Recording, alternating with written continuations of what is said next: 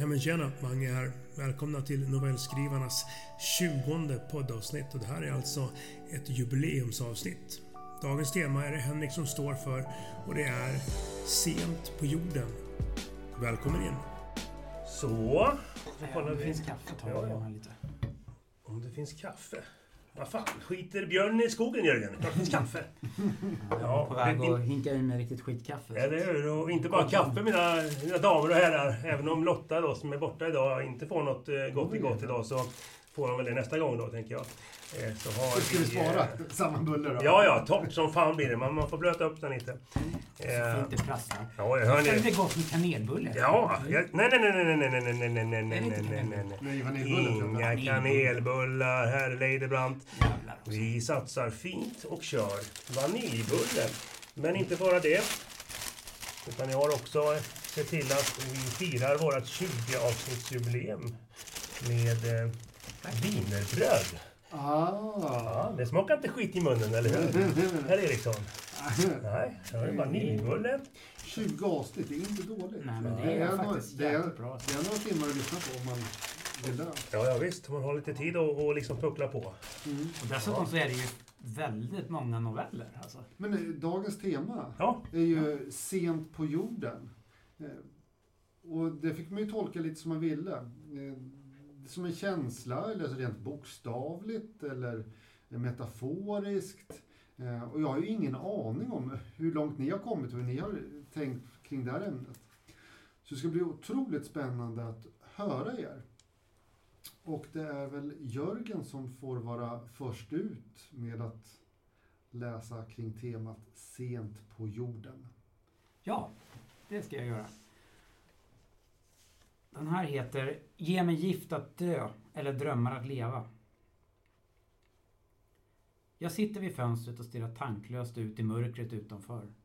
Stravinskis toner tar sig igenom kalsongerna som täpper igen grammofontratten och virvlar runt med mig. Portvakten sover i lägenheten under och den stingsliga fan får inte väckas. Jag tar en klunk av mitt vin. Gryningen kryper närmare, men ännu är det natt och mitt hjärta är fullt av dikter. Den grå, grå dagen har inte tröttat och kvävt mig än. Ett nattåg kommer in och genomborrar tystnaden i fjärran. Klockan tickar på och för oss alla närmare våra undergångar. Det är sent på jorden.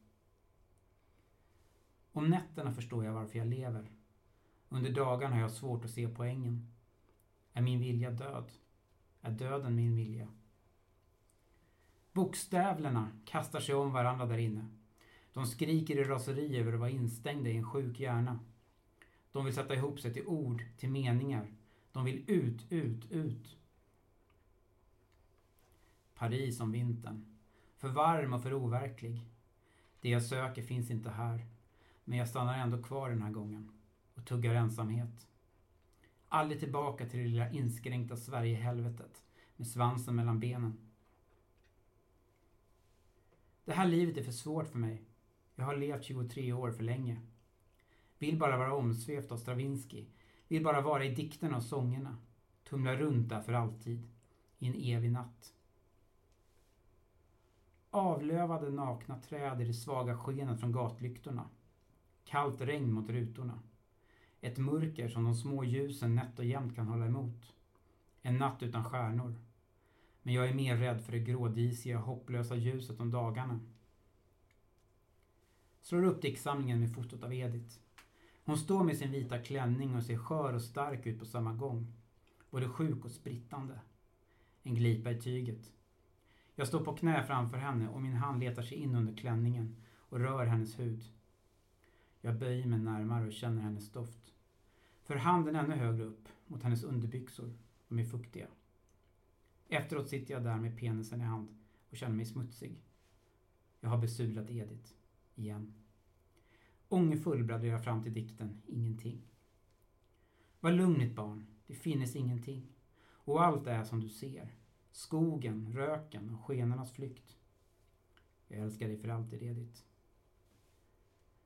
Nu går det inte att blunda för det längre. Gryningen är här med sin brustna blick. Blekt sipprande ljus. Den första spårvagnen dundrar in och stänger natten en gång för alla.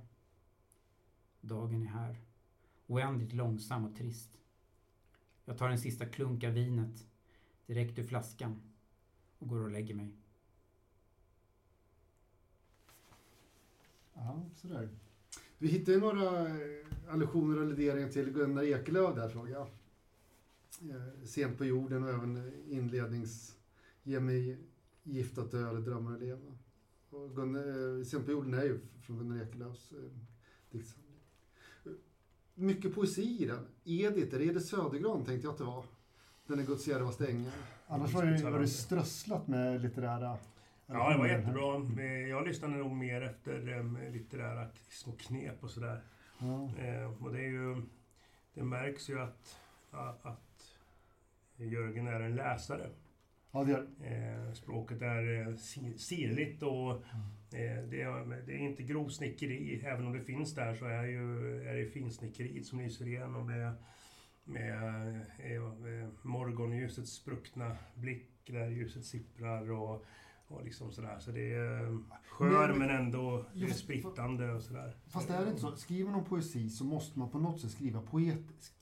Alltså det, det får inte krocka för mycket. Inte, nej precis, det får inte bli manual av det. Nej. Eller det kan du ju visst få göra, men då, då lockar du inte ja, den poetiska skaran. Nej, det blir själlöst. Ja, sådär. Då kanske du lockar andra som gillar det. Men eh, det finns ju många olika smaker på glassen, så att säga. Men eh, jag, jag tyckte att det var en... Eh, eh en skön berättelse. Jag funderar också lite, lite grann på just temat sent på, sent på jorden. Jag har inte analyserat mer än att eh, det här det är, det är sent på natten för den här eh, unge mannen. Ja. Men dessutom så anar jag att det är inte bara det det handlar om såklart. Så han är också sen i, han har ju levt 23 år för länge. Det betyder också att det är sent på det sättet. Och det, är, det, det, är lager på lager på lager. Ja, det, i och med att han då har besudlat eh, Edith igen så är det också lite sent på den eh, sol, eh, solvandringen. Ja, så att det var mycket, mycket där som eh, det, det täcks av när man funderar på det. Men det var inte så länge sedan vi hörde den för första gången någonsin. Så att det, Nej. Jag, jag, jag fantiserar lite är det Elmer Diktonius som har skrivit det här? Eh, Elmer Diktonius hade ju en liten eh, antagligen var förälskad i Edith Södergran. Mm. Uh, men det, som jag förstår det blev det ju ingenting. Och, är det, och han levde ju vidare efter. Mm. Jag vet inte om... Jag tar upp ja, den du, du upp det sen. Jag har ja. ingen aning. Men jag, jag tänkte att det kunde vara Elmer som, sen, sen, som besudlade Edith. Ja, men sen, sen, sen förde det tanken till, eh, till Jörgens eh, följeslagare i litterärt eh, självbefläckaren. Ja, Frans. Har vi, har vi Frans, mött honom i... i har vi mött Frans någon gång? I, ja, vi hade honom med här. Och då var kanske inte du med eller? För att det var, vi hade en... Uh, vilken var den då? Um, just det, frosseri. Mm, frosseri. Då, då, då, då Frans, han frossade ja. nämligen i sin självbefläckelse som vanligt. Han gode Frans. Mm. Så det förde mig också tankarna till, när vi kom in på den delen av, av Jörgens text, när det blev... Eh, ja, mer av det, åt det hållet, så att säga. Det var, ja. Vi har ett djup nu, mina damer och herrar. Ja, jag måste nog in i det här wienerbrödet. Men det tycker jag. Och sen så väntar vi på din lilla text här nu. Ja, men precis. Ehm, jag har under tiden jag lyssnat faktiskt eh, käkat en del av min jubileums vaniljbulle med pärlsocker på. Som jag köpte på ICA Arne här på, mm. Eh, i Nyköping. Det är bra podd. Ljudet av Mm. Kanelbullar som... Ja, och wienerbröd. Nu har det... Eh, Frasiga viner, jättefrasiga var de Ja, men jag, jag, tänkte, jag köper inte alltid wienerbröd för att, eller ganska sällan, för att oftast är de ganska så ihopsjunkna och lite ledsna och sådär. Och det, då var det inte värt något. Det ska vara lite mer nytt. Det kändes mm. som att de hade varit uppe i, i ottan här på ICA Arne och, och bakat de här. Och kablat. Ja. Nu man kabla. Ja. Det är sent på jorden. Solen är ännu i uppstigen. Det är mörkt på jorden. Fossilbrytarna bryter fossiler. Oljemännen pumpar olja. Människan bränner allt. Det är tidigt på morgonen. Men det är sent på jorden. Solen står högt på himlen. Värmen stiger, men släpps inte ut. Australien brinner. Kalifornien brinner. Solen står högt på himlen, men det är sent på jorden. Fiskarna andas plast, de få som finns kvar. Gifterna sprids i flodens vatten. Människan förgriper sig på regnskog och på allt annat. Det som fanns där när min generation växte upp finns inte längre. Vi är the tipping point, vår egen bödel. Det är sent på jorden. Jag skulle säga att det finns vissa likheter med, med din text här Jörgen. Alltså det, det poetiska anslaget finns där. Ja, det här nästan närmar sig prosadikt. Ja. ja. Eh, och det kanske är just ämnet sent på jorden som inbjuder till det poetiska. Bara den lilla korta meningen gör att man, man ja, hamnar där. Det var nog ingen slump att Ekelöf döpte sin första diktsamling till Sent på jorden heller. Det har väldigt poetisk klang i sig. Men det handlar ju framförallt om klimatförändringar här och, och vart, vart vi är på väg ja. någonstans. Och det ser ju inte bra ut alltså. Det tycker jag du förmedlar väldigt bra i den här texten. Det här liksom undergångsstämningen. Och den har funnits förut också. Jag vet att den fanns i slutet av 1800-talet. Men den här gången, bland annat, men den här gången så är det ju... Det mesta talar ju för att det faktiskt är precis så illa som, som det ser ut. Det, det tycker jag får fram bra i den här texten också. Och, och sorgen över liksom vad vi gör mot och det kanske, jorden. Just för att förmedla budskapet kanske man krävs ett mer poetiskt språk. Alltså det har skrivits så mycket långa utredningar som ingen orkar läsa eller ta sig igenom. Men att det är ändå känslan som, som den här... Ja, det är nog en prosadikt det här. Ja. Ja. Det tror jag du har helt rätt i. Ja. Alltså, det skulle behövas mer sådana här eh, paroller för att få folk att vakna upp. Liksom. Som, som talar till hjärtat och, och, och känslorna, vad vi faktiskt är på väg att förlora. Ja. Än att det är som folk kan uppfatta som, som pekpinnar liksom, och siffror och och siffror hit och dit som man ändå mm. inte riktigt förstår. Man förstår ungefär men det är lite för abstrakt. Ja. Hur många ppm och så, vad är alltså, Det här är mer... Samtidigt så, så finns det ju inte mycket hopp i det här. Utan det, det andas ju nästan en känsla av att det är för sent. Att det verkligen är för sent på jorden.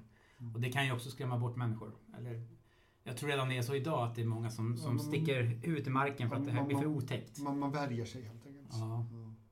Så det är mycket att diskutera kring den där korta, korta texten. Mm. Ja, fast, fast även kort innehållsrik. Alltså, den ja. är ju, det är ju som denatuerad prosa. Så här, som Ekelöf. Alltså det, den är ju kom, kompakt inom mycket, men ja. Ja. Mm. Vi återkommer till det där på slutet. Låter bra.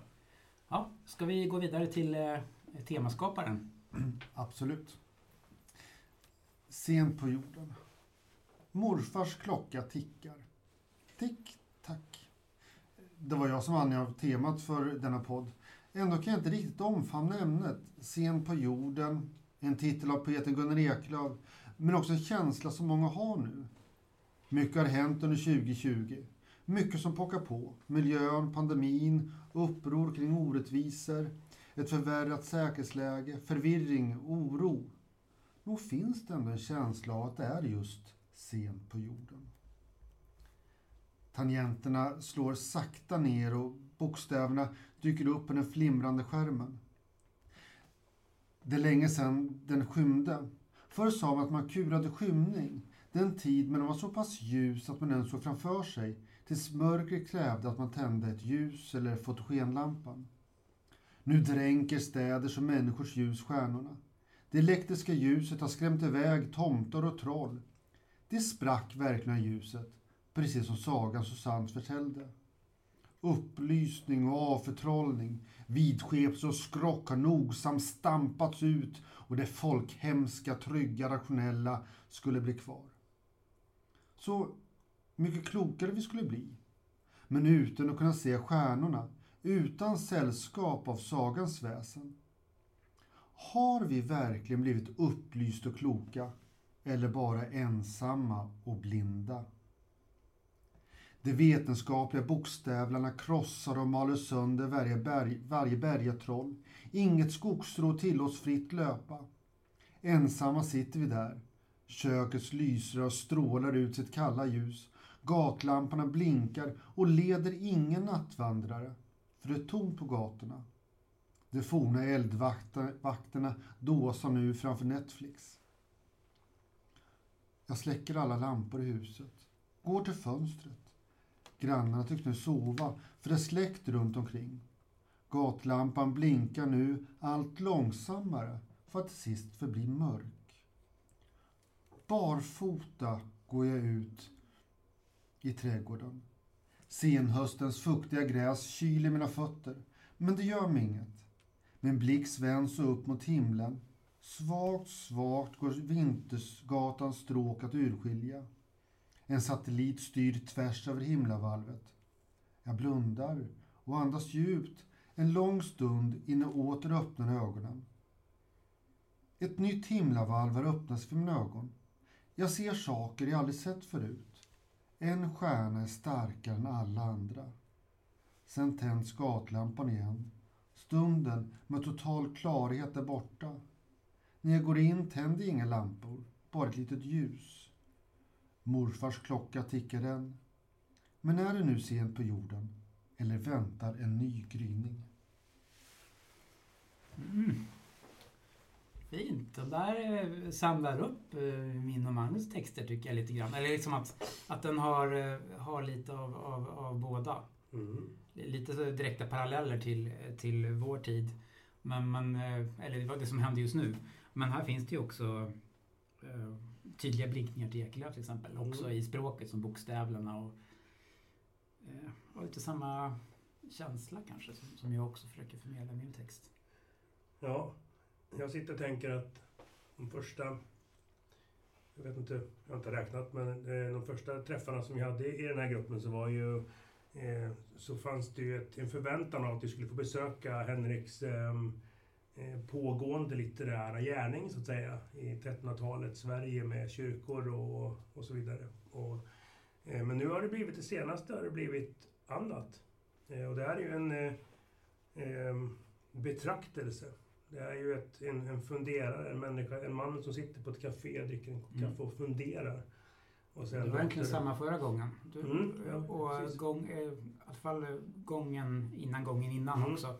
Så det är någonting du har återkommit till nu ganska tätt på slutet. De här betraktelserna, de här dagboksanteckningarna nästan. Det började väl med nästan med när, när eh, Henrik gjorde ett, eh, ett kåseri av podd, ja, podden. Precis. Där så känns det som att där skruvades det om och det blev ett annat, ett annat narrativ. Det här är mer, det här fångar mer mitt, mitt öra än vad historiska berättelser om, om vad det nu må vara gör. Det här är mer min grej. Jag kan se mig själv ha samma tankar eller åtminstone så kan jag se mig själv sitta och fundera. Eh, och grubbla liksom över saker. Och jag tyckte det var coolt det här med att man, när Henrik då lyfter upp hur, hur det har varit tufft nu och hur vi går mot mörka tider och det är, både, det är säkerhetslägen och annat. Men att ett begynnande mörker kan också vara starten på ett nytt ljus. Det finns, ett, det finns ett hopp där som saknas kanske i, i en annan eh, av texterna idag. ja, kanske i två av texterna på ett sätt. Ja. Och det här pratade vi faktiskt om en hel del förra gången också med mm. Lotta. Mm. Någon har lyssnat på det. Men då pratade vi just om hopp. För min och Lottas text var de ganska svarta då. Medan Henrik kanske hade lite mer hopp i sig. Och du pratade också om det, om att du gärna vill att det ska finnas, finnas ett hopp. Ehm, det tror jag också är viktigt. Fast man kan hitta hopp på olika sätt, pratade vi också om sen. Att, att man kanske får gräva lite djupare i vissa texter. Återigen, det är tydligt att vi läser. Att gruppen är läsare. Mm. Eh, en läsande grupp. För att det är ett, jag, jag hör det litterära i, i det. Och här finns det också tydliga anspelningar på Ekelöf. Mm. Det här med bokstäverna men, men också jag uppfattar den här när han går ut i trädgården där. Mm. Då ser jag framför mig Ekelöfs, kommer inte ihåg vad den heter. Eufori. Ja just det, mm. när han sitter och, också tittar ut över sin trädgård. Han går inte ut i den. Nej. Men det är lite samma, ja. det, det, tänker jag på direkt. Och det är också, eufori är också sent på natten. Alltså ja, när, när morgonrodnad skrider mot, mm. när, när, när kvällsrodnad glider mot morgonrodnad. Mm. Och jag tror att det var mycket då Ekelöf skrev sina dikter. Ja. Och det kan vi prata mycket mer om snart. Ja, ja men eh, som sagt jag tyckte med två lättlyssnade berättelser, helt klart, som berör det är sent på jorden, på, eh, även om de tangerar varandra lite grann, så väldigt olika. Ett på ett väldigt personligt plan och ett på ett mera allmän, allmänt större plan. Ja, jag tycker alla tre texterna här de är inne på samma vatten men, men ändå från mycket olika håll och kompletterar ja, varandra. Det hänger ihop förvånansvärt bra faktiskt. Ja. Ja, vi, har, vi har inte överhuvudtaget eh, förkört det här på något sätt, som ni vet. Det, det skulle man kunna tro. Faktiskt. Ja, det enda som vi har mm. gjort planerat är att vi har köpt eh, godsaker för dagens eh, jubileumsavsnitt. Mm. Vindbröd, vaniljbulle, kaffe, ICA-Arne. Ja. Ja. ja. Men eh, nu när vi mm. kommer in på mm. diskussionen på slutet här så, så, skulle jag vilja ha ett litet block där vi pratar om Ekelöf faktiskt. Uh, man uh, får ju tolka min text precis som man vill såklart. Men uh, det är ju Ekelöf på ett hotellrum i Paris i mina tankar. Mm. vintern 1929. Alltså han, han, är 23 år och han har inte gett ut någon diktsamling tidigare. han har själv kallat Sent på jorden för sin självmordsbok. Alltså han, han visste inte om han skulle Nej. leva eller dö egentligen. Han hade inte bestämt sig. Vilket är också så bra med det här Ge mig gift att dö eller Drömmar att leva. Jag tror precis det var så det var. Och eh, jag har i min text också försökt lyfta in lite sådana saker som jag har läst om Ekelöf. Det är ju till exempel ett faktum att han älskar Edith Södergran. Eh, och i alla fall enligt Olof Lagercrantz så... Och han har också skrivit i en dikt, Gunnar Ekelöf, att han, hans skötesynd det var att eh, tillfredsställa sig själv. Liksom. Ja, det, ja, ja. Och det gjorde han också med Edith ibland. Jaha, det har gått mig förbi. Annars, jag älskar ju Gunnar Ekelöf. Men det där var ja. det har gått mig alldeles förbi. Och så var det också sant att han satt, eh, tryckte in kalsonger i grammofontratten. eh, och lyssnade på Stravinskys Våroffer hela nätterna i Paris. Eh, för att inte störa portvakten under. Ja, okay. ja. Men jag tycker att han, också förmedlar ungefär den känsla som ni är inne på, alltså i vår tid. I, den här undergångskänslan finns också där hos honom 1929 i Paris. Eh, och i Sent på jorden framförallt, diktsamlingen. Mm. Fast det kanske mer är en personlig undergång här än, än hela människans undergång. Men det, jag tycker att den är... Det är en väldigt bra titel, Sent på jorden, på den diktsamlingen. Det är det. Nu har jag pratat väldigt mycket. Ja, men, men, men, det var ju ändå... För jag tänkte att det var en, en poet som skrivit den, så då, jag var ju berättare fast fel poeter. Men... Ja, och Elmer Diktonius var ju, eh, hade mycket att göra med, med Ekelöf. Och han tog ju med Ekelöf faktiskt till eh, Eddie Södergrans eh, hem när hon mm. var död. Men hennes mamma levde, levde kvar där och var jättegammal och blind ja. och så. Men de hade ju mycket ihop, Elmer Diktonius ja. och eh, Gunnar Ekelöf också. Ja, det hänger ihop. Det var en bra eh, allusion där också.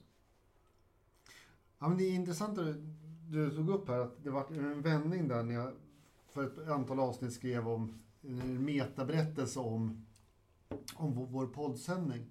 Och det stämmer nog. Jag har någon slags idé i bakhuvudet men den är så vagt formulerad mm. äh, ännu. Så vi, vi får se vad, vad det kommer att ramla ut av det. Mm. mm. Förändring är ibland viktig. Ja, för jag körde in i väggen i, i, kan man säga med den här 1300-talshistorien. Mm. Det, det, är en halv bok skriven på det, men att mm. karaktärerna lirar inte med varandra. Så okay. jag måste... Ja. Ja, så då behöver du skifta fokus och, och, ladda nytt på något sätt genom att inte grunna för mycket på det? Kanske göra något helt mm. annat. Alltså, det kan vara så. Jag har gjort en historisk roman. Jag kanske måste göra någonting annat. Mm. Eller så kommer du tillbaka till det senare. När ja. Alltså, spåret igen. 1300-talet blir aldrig omodernt. Nej, eller hur. Det, Nej. det är ju där det är liksom. Men jag, jag, är, jag är larvigt förtjust i, i berättelser som utspelar sig kring eh, tankar, funderingar. Jag kan, eh, jag kan se på filmer som egentligen går tvärt emot mitt vanliga filmseende. Det kan vara fantasy eller action eller vad som helst. Till franska liksom eh, dialog eller monologfilmer kan jag bli fastnat framför ibland. Och just det här att den romantiska idén om att sitta med en, eh, en kopp kaffe på ett järnvägscafé med med Notepad, med papper och penna eller varför inte kanske en, en, någon typ av digitalt verktyg. Det spelar ingen roll. Men att det där och då liksom eh, fånga ett, en händelse som är där och då. Ja, både ett inre och ett yttre skeende på något sätt. Ja, ja någonting som speglar det man, man har i tankarna. Man ser kanske eh, en, en, en mamma och ett barn. Tydligt eh, rågblonda svenska, etniska svenskar som man säger. Eh, som gör sitt och pojken kanske slänger sig ner på golvet och skriker och mamman fjäskar och, och lirkar upp honom och går vidare. Och, och det ser ut att vara världens liksom halabaloo och stor energiåtgång i, i de två. Sen kommer det en, eh, en invandrarfamilj kanske med mamma, pappa, eh, fyra, fem barn. Där det är lite, också lite samma sak. Mm. Men de, de tacklar sin verklighet så olika, att man betraktar det. Ja, det. Eh, det kan vara hur man ser hur eh, kaféets eh, servitör eller personal ser lite ledsen ut. Står bakom kassan, är det inga kunder där så går mungiporna ner och blicken blir sorgsen och så beskriver man det. Vad ligger bakom det? Vad har hänt? den här morgonen som gör att den här tjejen som står, eller killen står, inte är glad. Och så börjar man liksom... Vet, det, det, det finns en romantik bakom det som jag är otroligt kär i. Ja, den här eh, järnvägsstationsromantiken. Det finns några filmer på det där temat också. Ja. Det, den ja. som utspelar sig just kring järnvägsstationer. Så, det är lite såhär flanör, lite Hjalmar Söderberg, ja. betraktarblicken där också. Och just att det är i rörelse. Mm. Kopplat till poesin. Lite Stanley Kubricks grej att jag som kamera sitter still i ett hörn ja, och så alltså. låter jag scenerna utspelas framför mig. När de försvinner, då är de slut. Mm. Men du har ju lite så här um, metagrejen här också, eller metaperspektivet i början av din text. Som du, du nämner här, liksom att temat på podden och att det är ja. du som har valt och att det är svårt att hitta. Det, det är lite, auto, med... lite autofiktion i det. Ja, så mm. det där är också någonting spännande om, du vill fortsätta med. Så det, mm. Och det som, det som är kul, det som är för min del kännetecknar intresse och att jag tycker att någonting som jag lyssnar till eller ser är bra, det är att jag själv börjar få idéer. Mm. Så jag, eh, bara för att som kanske avrunda den här delen av, av avsnittet innan vi går in på att eh, detaljdiskutera lite, nu har vi pratat om, om Ekelöf och lite spin-off kring det. Va? Mm. Eh, så här, det var att du gjorde ju någon koppling till skogsrå och, mm. och så vidare. Sen ja. tänkte jag på sent på jorden och så, så tänkte jag det här är ju säkert redan gjort på något sätt. Men jag tänker den, den eh, nordiska eh, folkmytologin har ju många sagoväsen i sig. Det är skogsrå, det är vättar, det är tomtar, det är troll och allt möjligt. Då tänkte jag, idén som kom var eh, Skogarna skövlas, det är sent på jorden hemvisten för våra eh, nordiska mytologiska väsen försvinner. Så fick jag bilden framför mig ett skogsrå som sitter på ett kalhygge. Ja, Eller när man har liksom förstört en skog. Ja, eh, och, inte, och inte har längre, liksom börjar tyna bort för att kraften som väsnet har är knutet till skogen. Och när man tar bort den så tar man också bort... Eh... Man tar bort någonting väldigt eh, viktigt hos människan. Liksom det magiska tänkandet på något sätt. Sagorna mm. och myterna. Du säger ju också någonting om att det elektriska ljuset har skrämt bort tomtar och troll. Mm. Och det här om att har vi verkligen blivit upplysta? Eller var, vart har det tagit oss någonstans? Mm. Eh. Har det, det artificiella ljuset trängt bort det magiska ljuset? Har det ersatt det riktiga alltså, ljuset? Har vi gjort oss blinda? Ja. Alltså, är det verkligen så att det blir ljusare eller har det blivit mörkare? Mm. Eh, ja, men det var inte en sidospår till det, men det, jag tycker att det är så det blir när vi diskuterar. Det blir sidospår för att diskussionerna är... Ja, men nu, nu får du bara ja. hur mycket sidospår som helst tycker jag. Nu kan vi också ja. återknyta till, till din text. Ja, du tänkte ju prata lite där om, om hur den kom till och så. Ja. Nej, men precis. Det, ehm, det har ju varit liksom en period med mycket jobb, gjort mycket jobb med, med filmkameror och annat. Så det tar mycket kreativ kraft, så då blir jag ju urlakad. Men det här var ändå något, ett ämne som, eh, eller ett tema där jag direkt kände att ja, men här har jag redan en tanke som har funnits i huvudet ett tag. Så det var inte speciellt svårt tänkte jag igen. Det brukar vara så jag tänker. Det här blir bra. Det här har jag koll på. Men eh, när vi kom hem från Stockholm igår kväll vid eh, strax efter tio igår kväll. Då hade jag inte skrivit ett ord. När jag gick och la mig så hade jag skrivit lika mycket. Eh, och när jag gick upp klockan nio så tänkte jag, ja men det var väl det var väl lämpligt att inte skriva någonting fast jag ändå hade min idé. Det känner jag igen. Så att jag satte mig eh, med i, eh, i de kalsonger som, som Jörgens karaktär så förtjänstfullt tryckte ner i grammofontratten, alltså kalsongerna. Och eh, skrev ihop det. Och det, jag kan säga att det är... Den är skriven på ett försök. Inget, ingen redigering överhuvudtaget utan den, den, den föll ut så som den är. Den är helt rå. Men tänkte du när du skrev att, att det var en, en novell du skrev eller Nej, jag, en prosadikt? Eller bara du slängde in dina tankar? Liksom? Det var en betraktelse som jag, som jag såklart insåg inte, inte riktigt... Ja, rent längdmässigt så visst, eh, ett halvt ark papper är inte så mycket längre. Men eh, det var ju inte... Jag, jag visste ju att det här är ju inte novelllängd. Utan det är mer åt... Flashfiction? Ja, en, en, eh, och sen är det... Jag hade väl ja, lite, ja, lite Hemingway-tanke. Det är mycket som står bakom orden. Till exempel eh, eh, fossilbrytarna bryter fossiler.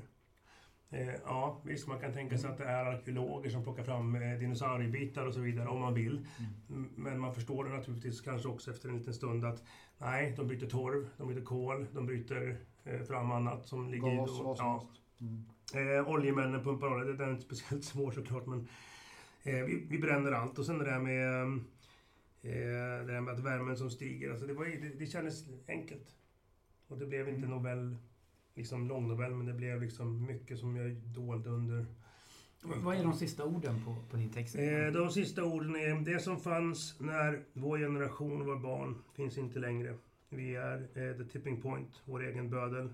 Det är sent på jorden. Eh, det är vi. Det, är egentligen också det som är budskapet. Att det är vi som är, är vuxna nu som, som faktiskt står med, med, med, med yxan i hand.